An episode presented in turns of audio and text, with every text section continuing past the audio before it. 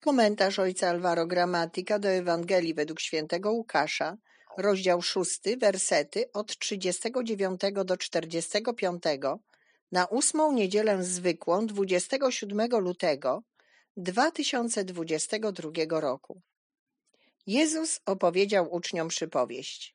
Czy może niewidomy prowadzić niewidomego? Czy nie wpadną w dół obydwaj?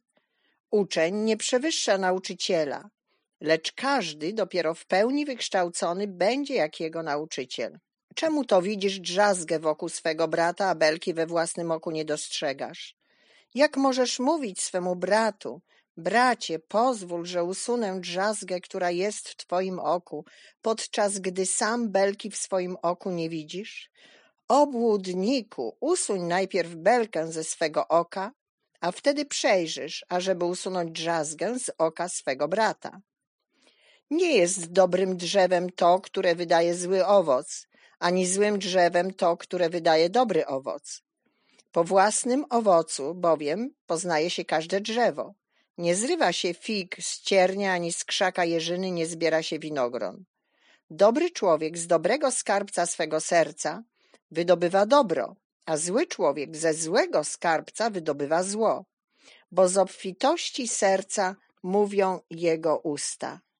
Tej Ewangelii Jezus zaczyna od pytania, czy niewidomy może prowadzić innego niewidomego? To pytanie retoryczne. Nie jest możliwe, aby niewidomy prowadził niewidomego. Jednak może to być bardziej realne niż nam się wydaje. Aby nie wpaść do dołu, musimy być dobrze przygotowani. Co Jezus ma na myśli? Może ma na myśli odpowiednie wykształcenie lub chce wskazać na coś innego? Myślę, że Jezus chce nas zaprosić do właściwego patrzenia na rzeczywistość. Jest to zaproszenie do zobaczenia, że inni nie mają drzazgi, ale że my mamy belki w oczach. Zwyczaj postrzegania zła w innych jest oznaką naszej ślepoty.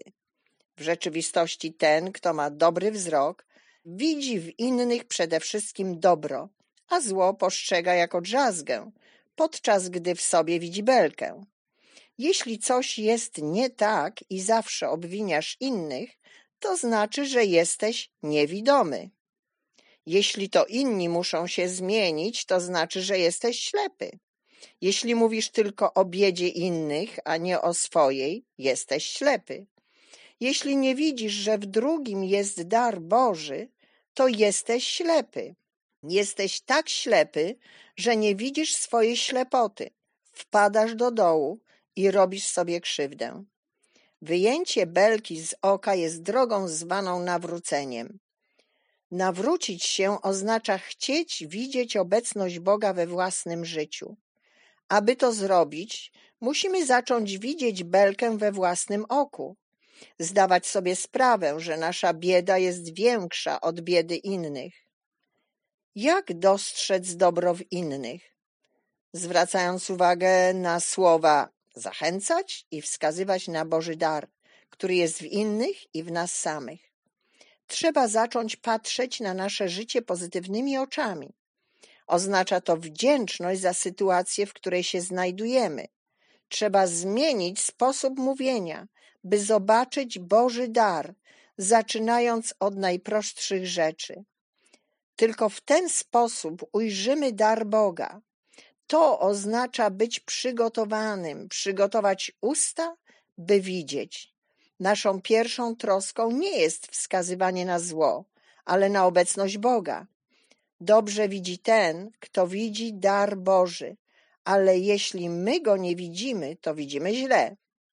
Zachęcajmy się nawzajem, abyśmy widzieli dar Boży w naszym życiu, w naszym domu, w naszej wspólnocie, w naszym społeczeństwie, ponieważ dar Boży jest zawsze większy od zła. Jeśli widzimy tylko zło lub zbyt wiele zła, to jesteśmy ślepi. Odkryjmy, gdzie jest dar Boży, a wtedy go znajdziemy. Podziękujmy za ten dar jest to najlepszy i najbardziej bezbolesny sposób na usunięcie belki z naszych oczu. W ten sposób zobaczymy, że Bóg jest dobry i zakochamy się w naszym życiu, w naszej rodzinie, w naszej wspólnocie, w naszym kraju.